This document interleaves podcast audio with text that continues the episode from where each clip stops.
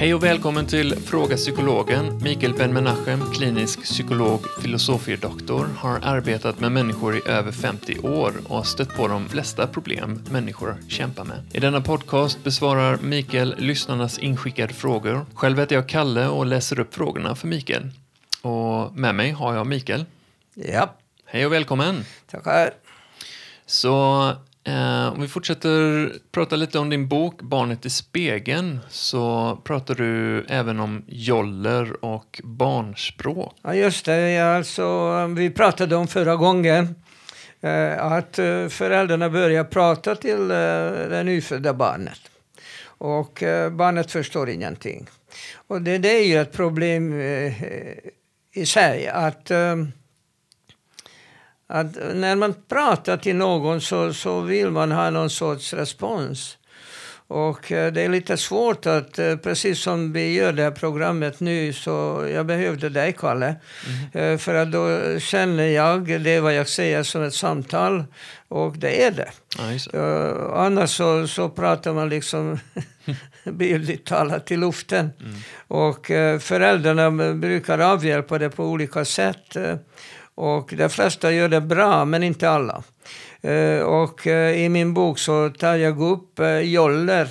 Och det här skulle betyda att föräldrarna tror många gånger att på grund av att barnet är så litet och förstår inte riktigt mänskligt språk så måste man prata med barnet på ett, ett konstlat sätt. Och, eh, och då, då kan de eh, hitta på allt möjligt. Sådana här allt möjligt. Lilla mamma och sådär.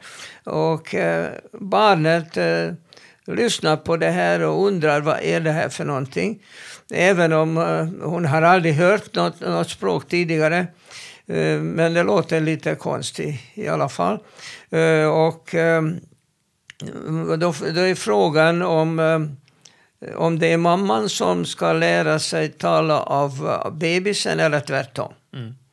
För att eh, på grund av att ba- barnet kanske efter ett litet tag, kanske ett par månader eller så, så börjar eh, eh, vid sidan av att eh, skrika eller gråta också eh, när hon tycks eh, trivas med livet i största allmänhet eh, göra sådana här saker som eh, allt sånt här, olika ljud.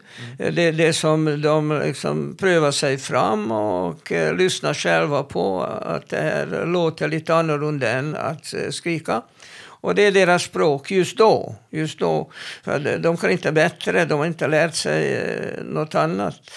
Eh, så att ett, ett nyfött barn kan i princip lära sig vilket språk som helst. Och eh, om man tittar på franska barn som kan använda det här, så det här eh, eh, nasala R-ljudet.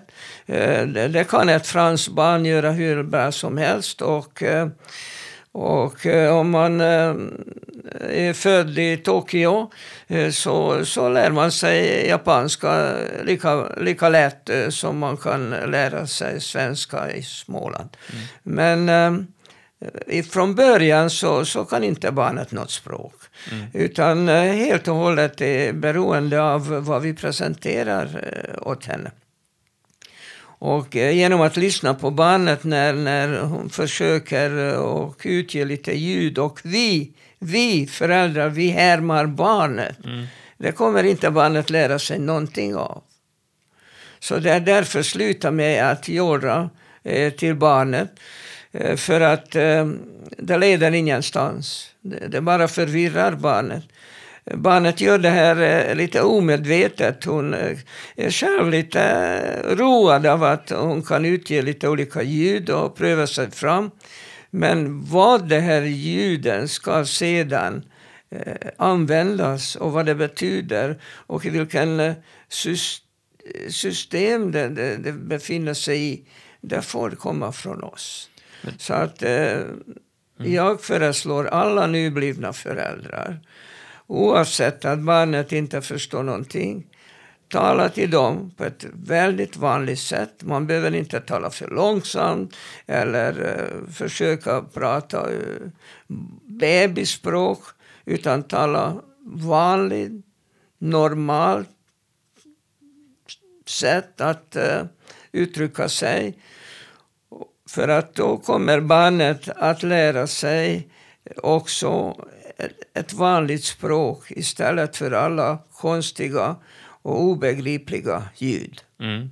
Kan inte eh, att en förälder jollrar tillbaks vara liksom en liten um, bekräftelse eller en liten sån umgängesform sådär att man kan... Uh... Ja, det är naturligtvis umgängesform, men dum. men uh. Men vad, vad, vad, vad var det andra meningen? Att man ska kunna kommunicera med barnet, eller hur? Och, om man har någon sorts uh, ord, ordlista när det gäller joller, okej. Okay. Men vad, vad, vad hjälper det? Var, vart kommer man med det? Ingenstans. Kanske att man kan bara knyta an med varandra känslomässigt. Lite så att föräldern härmar barnet. Uh, säger, inte alltid, liksom, men i stunder. Så där, att det kan vara en, en fin grej mellan mellan barnet och föräldern? Jag är kanske för mycket inlärningspsykolog. Jag finner inte någon mening med att göra det. Nej. Apropå föräldern, så menar du att föräldrar hjärntvättar sina barn. Vad, vad tänker du runt det? Ja, det är lite eh, journalistiskt. För att eh, man kan hjärntvätta någon, så att säga, om man har haft en viss eh, typ av eh, tankeverksamhet eller eh, om man har eh, någon sorts ideologi eller sätt att tänka. Eh, och om man eh, av någon anledning försöker ändra på det, det är vad vi kallar för hjärntvätt. Mm. Att man försöker, det förekommer i många eh, terrorländer, till exempel Kina, där de kunde ju fängsla människor och, och indrokt destinera dem. Det vill säga att, att uh, upprepa vissa saker om och om igen uh, så att det går in i deras hjärna. Och de kanske har haft tankar, lite lösa tankar hur man kunde bete sig i ett fritt land där man kan tänka och man kan säga vad man vill. Och så befinner man sig i ett land där man inte får göra det. Mm.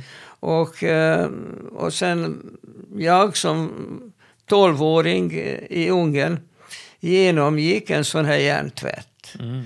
Och vi var 11-12-åriga eh, barn. Och vi hade fyra timmars eh, politiskt seminarium varje dag. För att de trodde att om de bombarderar oss med kommunistiska marxista tankar så, så vi blir det, det nya sorters människor som ska kunna eh, leda ett, ett kommunistiskt samhälle. Mm.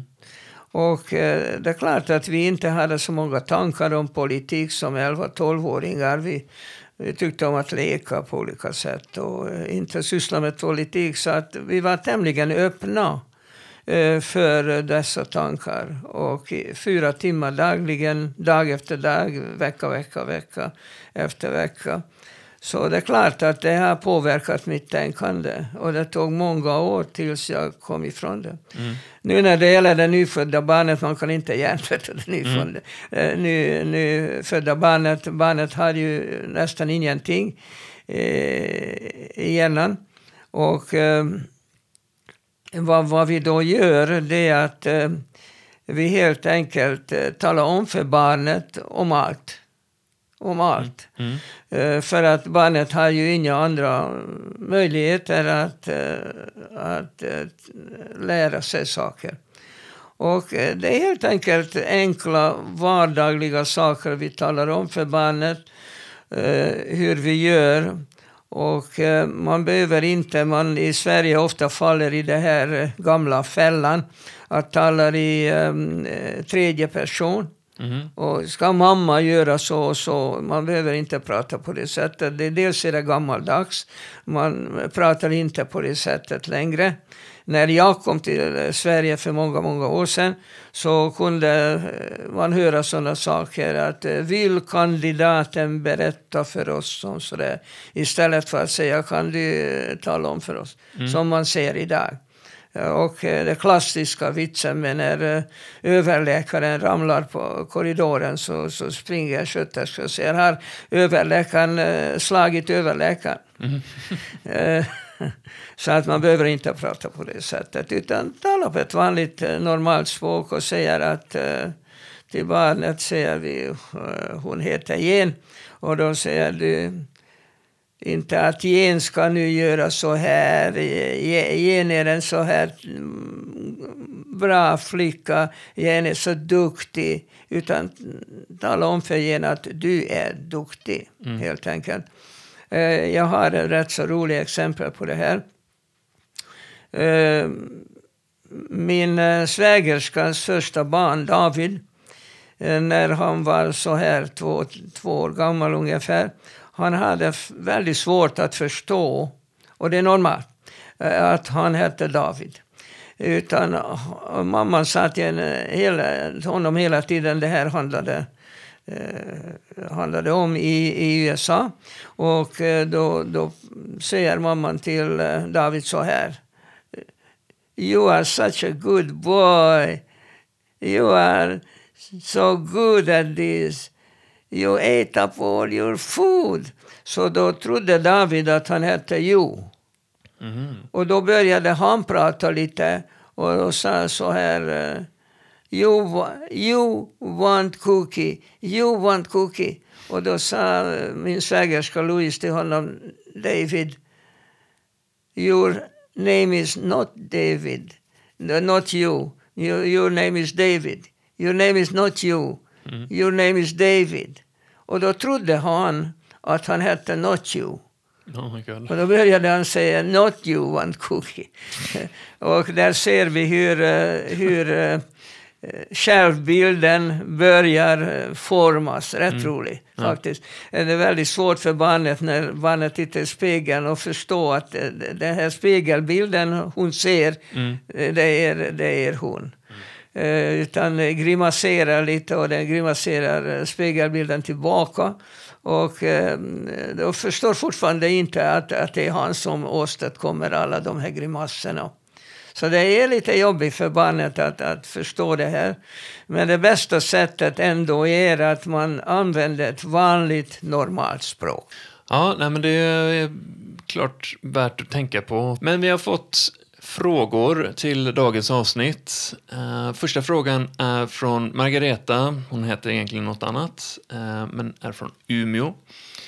Hon har svårt på jobbet, skriver hon. När eh, de sitter till exempel på, eh, på raster och eh, på fikastunder så vågar hon inte tala ut för eh, det rädslan för att det ska låta dumt.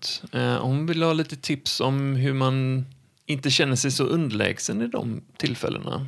Ja, för det första så eh, jag vill inte se, att du ska se dig själv, Margareta. Att alla andra är duktigare, all, alla andra är bättre, alla andra är uh, mera verbala än vad du är. För att eh, kom ihåg att de andra har inte eh, ringt eller skrivit e-mail och ställt en fråga. Alltså, du hör till de mest ambitiösa, aktiva och intresserade människor överhuvudtaget. Du hör till en elitgrupp. Tro inte för en sekund att de andra som du sitter ihop med inte har något problem. Betyder att, att eh, de kan eh, lösa alla mm, uppkommande problem hur lätt som helst. Eh, och det är bara du som inte kan det. Så är det inte alls. Precis tvärtom. Det är just du som vågar ställa en fråga och därför så hör du till en mycket speciell grupp av människor som är mycket mera intresserade av att eh, förbättra sin livskvalitet. För att det handlar om livskvalitet. Och det är ett väldigt svårt begrepp det här med livskvalitet. Man kan ju eh, definiera det på olika sätt. Och jag har fått en sån frågeformulär häromdagen att jag skulle eh, skåra eh, och eh, tala om för det här frågeformuläret vad jag anser om min egen livskvalitet. Och det handlade väldigt mycket om hur frisk eller sjuk jag är. Men det handlar egentligen inte så mycket om. Utan eh, livskvalitet betyder om du lever på ett sätt som du är nöjd med. Om du tycker att du eh, i allt du gör motsvarar dina egna förväntningar.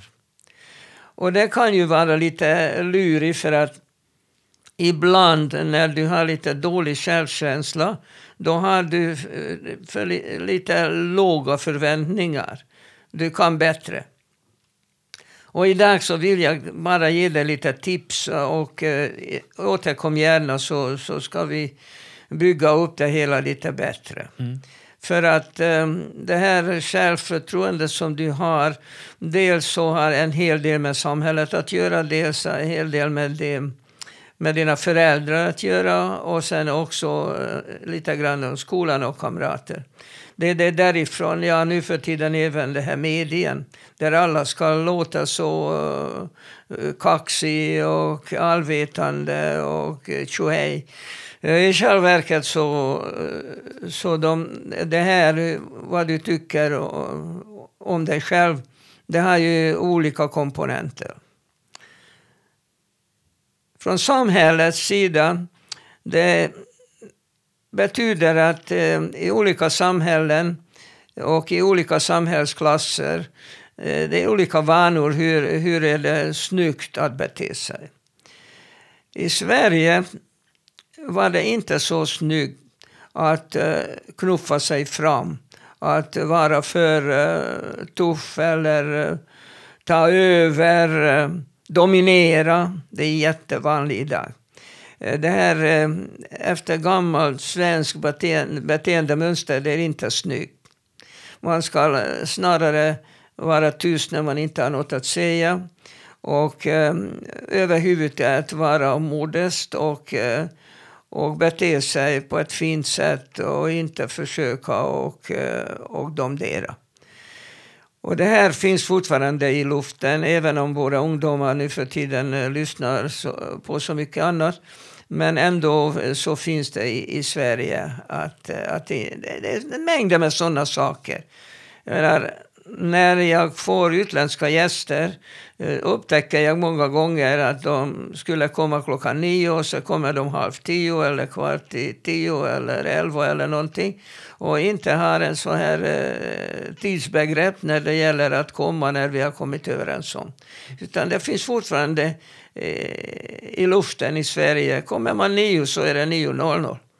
Kommer man 9.05 så, så, så kan man eh, liksom, ursäkta säga att, att bussen eh, kom inte i tiden. Och sånt. Men eh, komma halv tio, det är uteslutet. Mm. Det är uteslutet. Det är otroligt osvenskt att bete sig på det sättet. Och eh, så är det med många andra saker. Jag menar att komma eh, på besök eh, till någon, framförallt första gången, eh, och inte komma med present, det är dödssynd. Det är ungefär som de förväntar sig eh, världarna att du ska ta av skorna och du inte gör det. Som man aldrig gör i Amerika. Så att det finns ju en hel del sådana här eh, saker som, som finns i luften som har eh, med samhällsbeteende att göra. Varierar lite mellan samhällskasterna. Men förvån, förvånansvärt nog inte så mycket. Eh, sen kommer familjen. Och eh, det är också jätteindividuellt hur dina föräldrar tränar dig om hur du ser dig själv. Mm. De kanske säger till dig hela tiden att, eh, att du är så duktig, att du är så bra, att du har så lätt att formulera dig, allt sånt här. Och då försöker du leva upp till den här eh, bilden som du får från föräldrarna. Eller tvärtom. Eller inte alls. Mm. Tyvärr så de flesta föräldrar har ju minimala kontakter med sina barn idag. Jag är väldigt ledsen att säga det här. De lever bredvid varandra. De har det här idiotiska babysitten. Det här eh, fyrkantiga som går att trycka en knapp på och sen är man i en annan värld. Mm. Och då kan föräldrarna passa på och eh, påta i trädgården eller laga mat eller göra något annat och inte behöver svara på dina onödiga frågor. Synd, synd. Det finns inga onödiga frågor. Alla frågor ett barn frågar är underbara. Det betyder att de vill ha kontakt med dig. Mm. Så att om man då upplever som du, att eh, du har eh, svårt att, att eh, befinna dig i en grupp och där känna dig som likvärdig medlem. Det har ju alltså många olika rötter. Men en sak är väldigt viktig, Margareta. Om du bara sitter i gruppen och inte ser någonting och några andra pratar, det betyder inte alls att de är kloka och du är dum. Det kan vara precis tvärtom. Det är en gyllene regel att om du inte har någonting att säga, säg inte det. Säg inte det. Jag hör så mycket sådant prat som man kunde lugnt, utan att förlora någonting, bli av med. Mm. Det är en hel del sånt prat som låter som om någon säger något, men det är bara ljud som kommer ut och ord och även meningar, men de är ändå fullständigt meningslösa. Upptäck det här. Det blir väldigt rolig lek för dig, Margareta. Upptäck när någon pratar och använder nonsensord. Eh, jag avskyr de här orden. Och de är sån här, eh, liksom, sådär, så att säga, och så. Lyssna på sånt här. Och det som är inte så vanligt i Sverige, eh, men väldigt vanligt till exempel i Amerika, att prata så här. Jag tycker, ja, å andra sidan, och sådär. Men eh, visserligen, ja, så det kommer de här A hela tiden som mm. om man skulle träna på att säga ljud eller låta liksom eh, eh ljuda A. I själva verket så försöker de vinna tid och försöker eh, säga någonting men kommer inte på något. Mm. Eh, men om du vill ändå träna lite din självkänsla så skulle jag vilja säga följande. Använd ordet jag när du talar om dig själv. Säg inte eh, man. Jag hör ofta att folk säger Ja, man vill inte, man tycker eh, man, man, gjorde så och då brukar jag alltid fråga vem? Mm. Ja, man. Vadå man? Du menar ju, du? Ja, jag. Okej. Okay. Så varje gång du säger någonting så säg jag och inte man tycker. Jag tycker, mm. inte man i största allmänhet. För att då är det inte du. Det är klart att de inte lyssnar på dig när du pratar bara om män i största allmänhet. Vem är intresserad?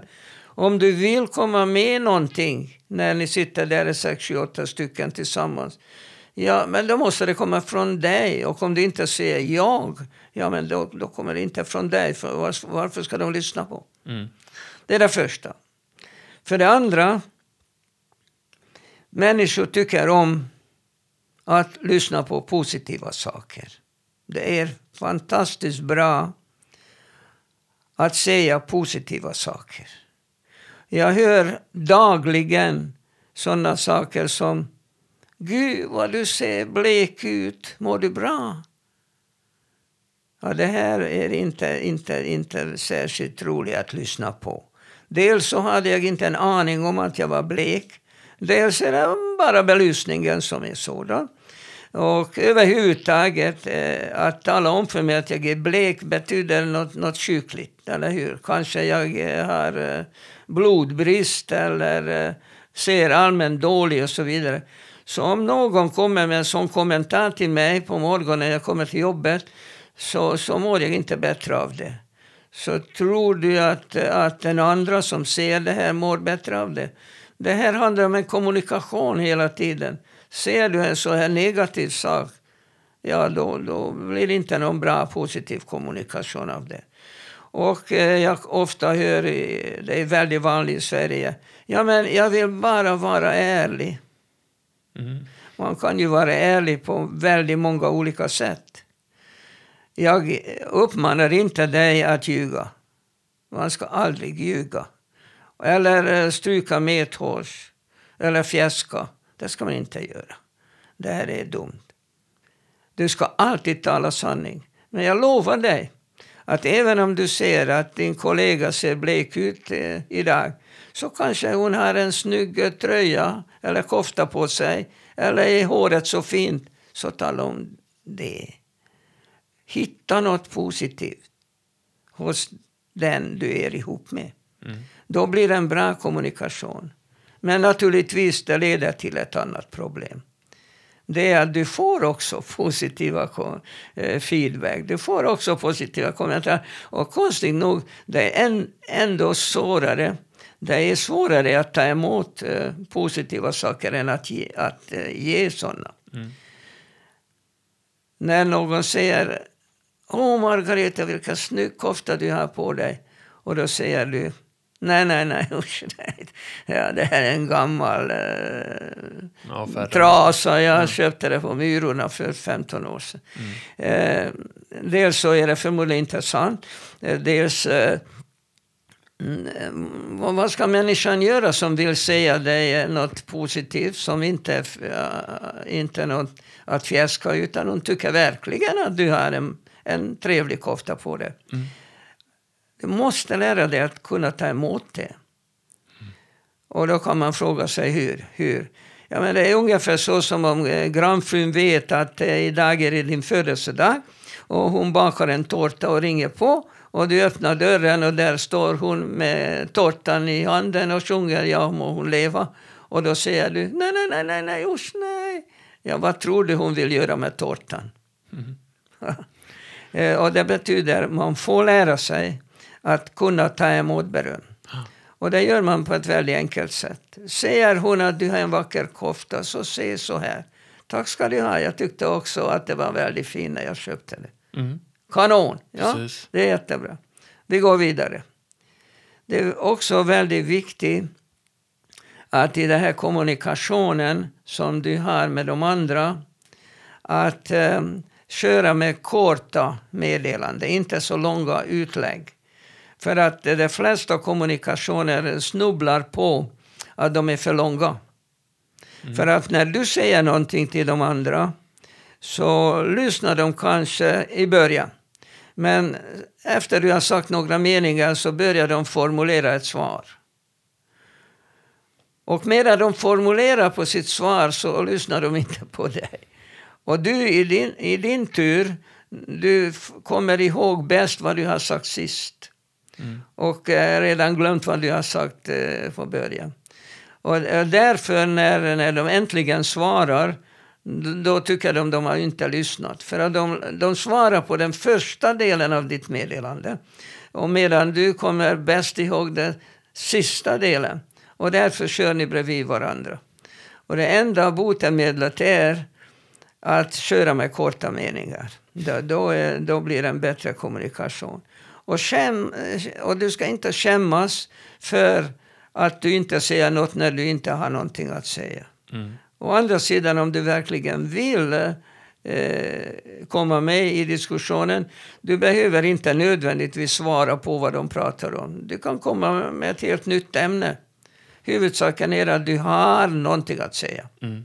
Gör du inte det, var tyst. Kloka ord där. Vi har fått ytterligare en fråga från en göteborgare som säger att han har läst en bok om avslappning. Han är 35 år och arbetar mycket och skulle behöva avslappning i sitt dagliga liv. Vad skulle du rekommendera för metod, Mikael? Ja, då får man över huvudet att om du har läst min bok så, så vet du säkert eh, mera om ämnet än jag, för att det var länge sedan jag skrev Mm. boken. Ja. Och om du har eh, läst det här nyligen, det heter alltså Boken om avslappning, eh, som används fortfarande i olika utbildningar i Sverige. Och det är en bok som eh, dels eh, berättar om olika typer av avslappningsmetoder och också en hel massa olika användningsformer. Och, och därför så bör vi kanske först eh, eh, tala om själva begreppet avslappning. Mm.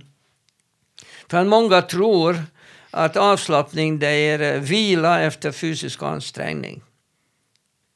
Men så är det inte alls. När jag var gymnasiepsykolog i Göteborg så hade jag ett projekt i, på Burgårdens gymnasium och ett projekt i Hvitfeldtska. Och eh, då skulle jag eh, lära eleverna att eh, slappna av för att då skulle de kunna koncentrera bättre. Och för att kunna slappna av så skulle de lära sig en teknik. Och eh, sen efter varje avslappningsstund så skulle jag i ilfart köra två, tre elever med min gamla Volkswagen till psykologiska institutionen där vid Mölndalsvägen. Där det låg en gång i tiden. Och eh, mäta olika parametrar, olika fysiologiska eh, eh, mätvarianter på eh, de här eleverna. Både före och efter avslappning. Och på Hvitfeldtska, så är den tiden så alla gympalärare kallades för gymnastikdirektörer. Ofta var de ju gamla officerare. Och, och så var det också på Hvitfeldtska. Och eh, den här eh, läraren, tyvärr så kommer jag inte ihåg hans namn. Eh, det jag borde göra det för att han var väldigt bra. Eh, han ville gärna själv göra det här programmet. Och eh, han fick en text av mig. Vad är det för avslappningstext han ska använda? Och ehm, ja, då satte de igång. Men efter ett par veckor så en av eleverna, när jag befann mig eh, på skolan, säger till mig, Mikael, det här går inte med de här avslappningsstunderna. Varför inte? Ja, men du måste komma och lyssna på det här. Okej, okay, imorgon kan jag komma. Alldeles riktigt, så jag befann mig i skolan och eh, väntade på eleverna när de kom in till gymnastiksalen. De lade ut madrasser där. Och när klassen kom in i salen och de lade sig på madrasserna så tog eh, gymnastikdirektören fram den här texten och sa så här. Slappna av! det är klart att det här funkade inte så bra. Beordra dem att slappna av. Eh, och de här parametrarna som man kunde mäta på dem, eh, på Gras polygraf, mycket avancerad mätinstrument, eh, blev helt galen av, av de här pulserna och annat som vi mätte. Mm. Hur som helst så pratade jag med gymnastikdirektören i en rum och jag försökte på ett mycket försiktigt sätt tala om för honom ungefär vad är det för språk man ska använda när man vill att eleverna ska slappna av. Mm. Och han sa till mig, vet du vad Mikael, jag kan komma till din mottagning och eh, lyssna på så jag förstår bättre hur det ska gå till. Mm. Och eh, det, var, det var ju väldigt bra och roligt att han tänkte så. Och han kom och eh, jag eh, gjorde helt enkelt så att jag försökte och slappna av honom. Och eh, så efter en avslappningsövning så sa han Ja men Mikael, det här var ju inte så mycket under de här tio minuterna. Jag sa till honom, tio minuter? Det har 45 minuter gått. Mhm. Då förstod han också att han har slappnat av. Ja. Hur som helst, när vi talar om avslappning så talar vi om, en, nu kommer lite förkortningar. Mm. Eh, NMT, alltså Niklas Martin Thomas, NMT, det är eh, normalt medvetandetillstånd. Mm. Och ett FMT är ett förändrat medvetandetillstånd. Och vad den avslappning försöker åstadkomma det är att ändra lite på vårt vanliga medvetandetillstånd. Mm. En gång i tiden så hade man eh, ordentliga lunchraster. Mm. Eh, jag har bott också i, i Mellanöstern och det är varmt. Och då är det fortfarande vanligt, tack och lov, på några länder att ha siesta. När jag arbetade i Israel ett år så arbetade vi mellan klockan 8 och 12. Så hade vi siesta mellan 12 och 3. Mm. Och sen jobbade vi mellan 3 och 7. Mm. Så fick jag våra åtta timmar.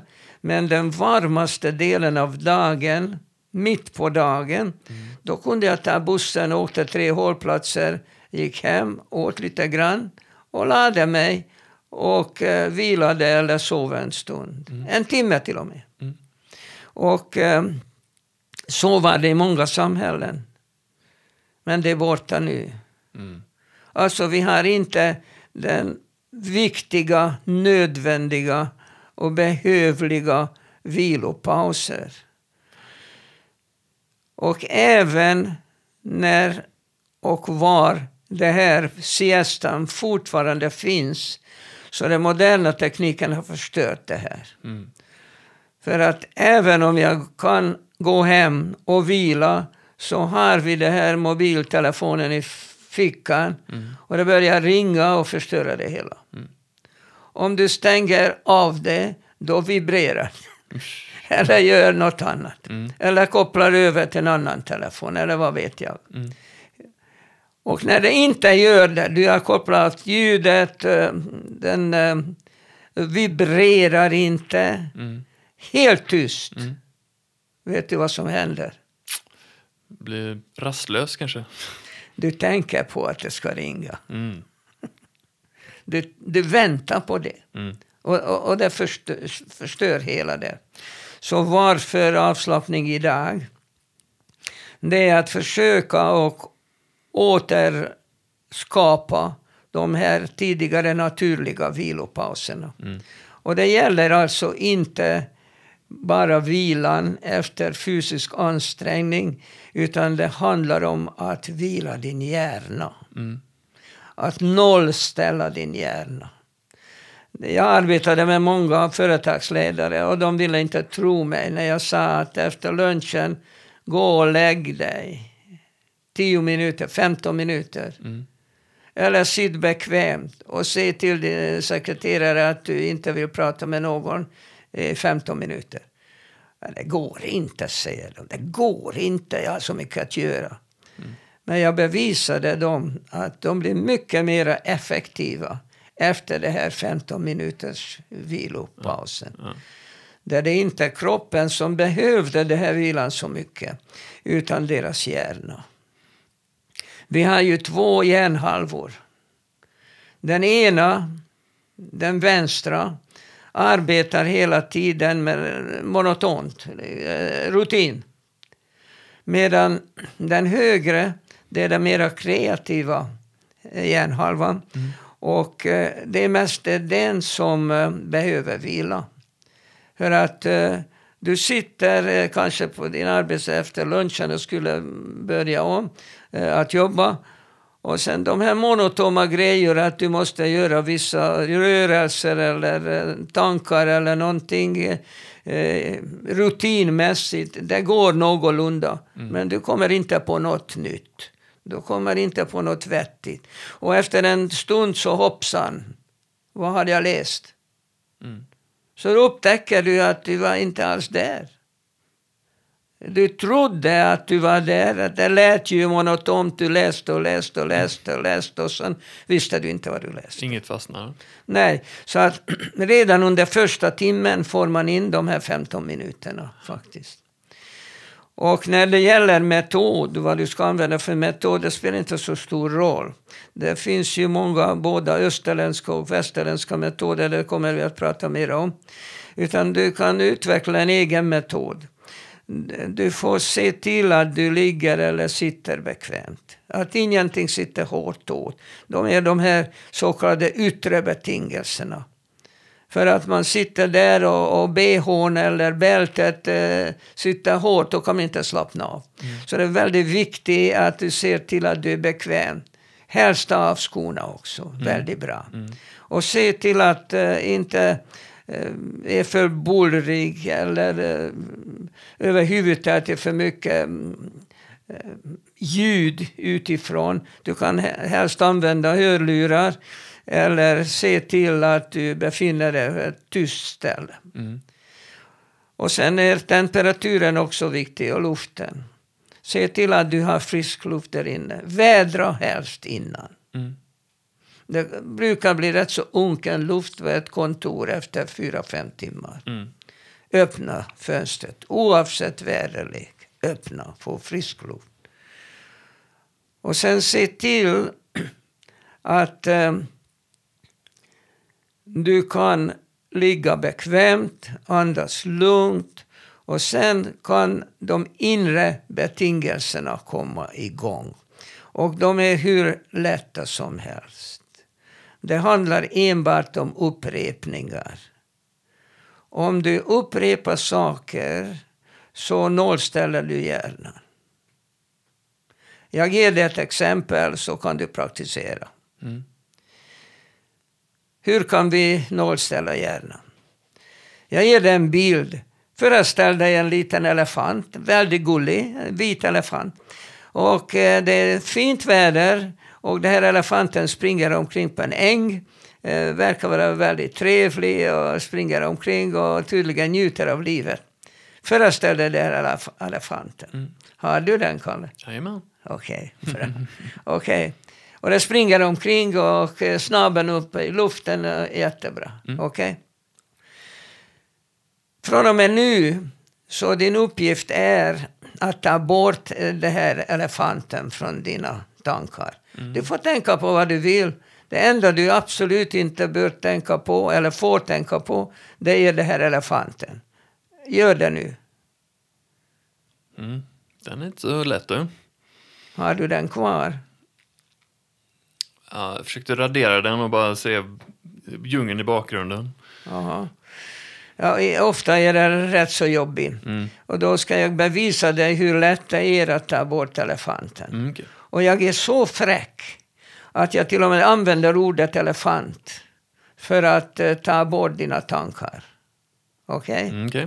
Så det enda du behöver göra det är att upprepa efter mig mm. ordet elefant i, i snabb ordningsföljd. Är du beredd? Jag är beredd. Okej, då sätter vi igång. Elefant, elefant, elefant, elefant, elefant, elefant, elefant, elefant, elefant, elefant, elefant, elefant, elefant, elefant, elefant. Var är elefanten? Har du den kvar? Ja, den, kom, den är kvar. Då, då, då bör man fortsätta med. Hur som helst, genom en snabb upprepning så kan man nollställa hjärnan. Mm, okay och är väldigt lätt sätt till exempel som är vanlig och bra i västerlandet. Det är att lyssna på andningen. Mm. För att andningen finns alltid där. Och ibland så hör jag de som skulle lära ut avslappning fast den inte kan det. Så säger de glöm inte att andas. Ja, det går inte. Mm. Om du glömmer att andas, du dör. Mm. Utan man ska ju andas ut, andas in, andas ut, andas in, andas ut, andas in. Det här är en rytm som vi alltid har i kroppen. Man kan göra med pulsen också. Om du kan hitta din puls så ha tummen på det och lyssna på det. Tumpan, tumpan, tumpan, tumpan, tumpan, tumpan, tumpan. Så här. Mm. Eh, I Afrika gör de det med, eh, med, med trummor. Mm. Och eh, om du lyssnar på uh, spiritualer och andra eh, typiska sånger eh, så, så har de samma effekt. Mm. Alltså det är en rytmisk upprepning av någonting. Mm. Eh, och att du ska vara bekväm och inte störd av något yttre eh, någonting. Mm. Det är allt. Alla metoder, jag lovar, alla avslappningsmetoder är byggda på det sättet. Mm. Pröva. Ibland är det som att eh, om man inte använder hjärnan så hjälper man hjärnan. Jag tänker på meditation och sådär. Att vara, sätt, försätta sig i observatörens eh, perspektiv istället för att tänka igenom allting utan bara ta ett kliv tillbaka. Ja, men med meditation eh, också handlar om det här. Eh, Man använder en mantra eller ett, ett ord eller en mening. Till exempel, jag är lugn, jag är fullständigt lugn. Jag är lugn, jag är fullständigt lugn. Jag är lugn, jag är fullständigt lugn. Det, det här är mitt problem när jag gör det här programmet. Mm. För att jag är så van vid avslappningsövningar och hypnos att jag automatiskt blir monoton. Mm. Och jag ber lyssnarna om ursäkt för detta. Om någon har somnat här.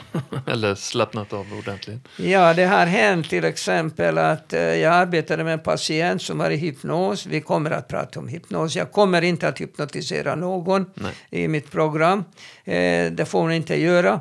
Men ehm, jag har ehm, haft en patient i hypnos och eh, det är ett förändrat medvetandetillstånd. Det, det är lik vaket tillstånd. Egentligen man mäter med instrument som om man vore vaken. Det är ingen skillnad.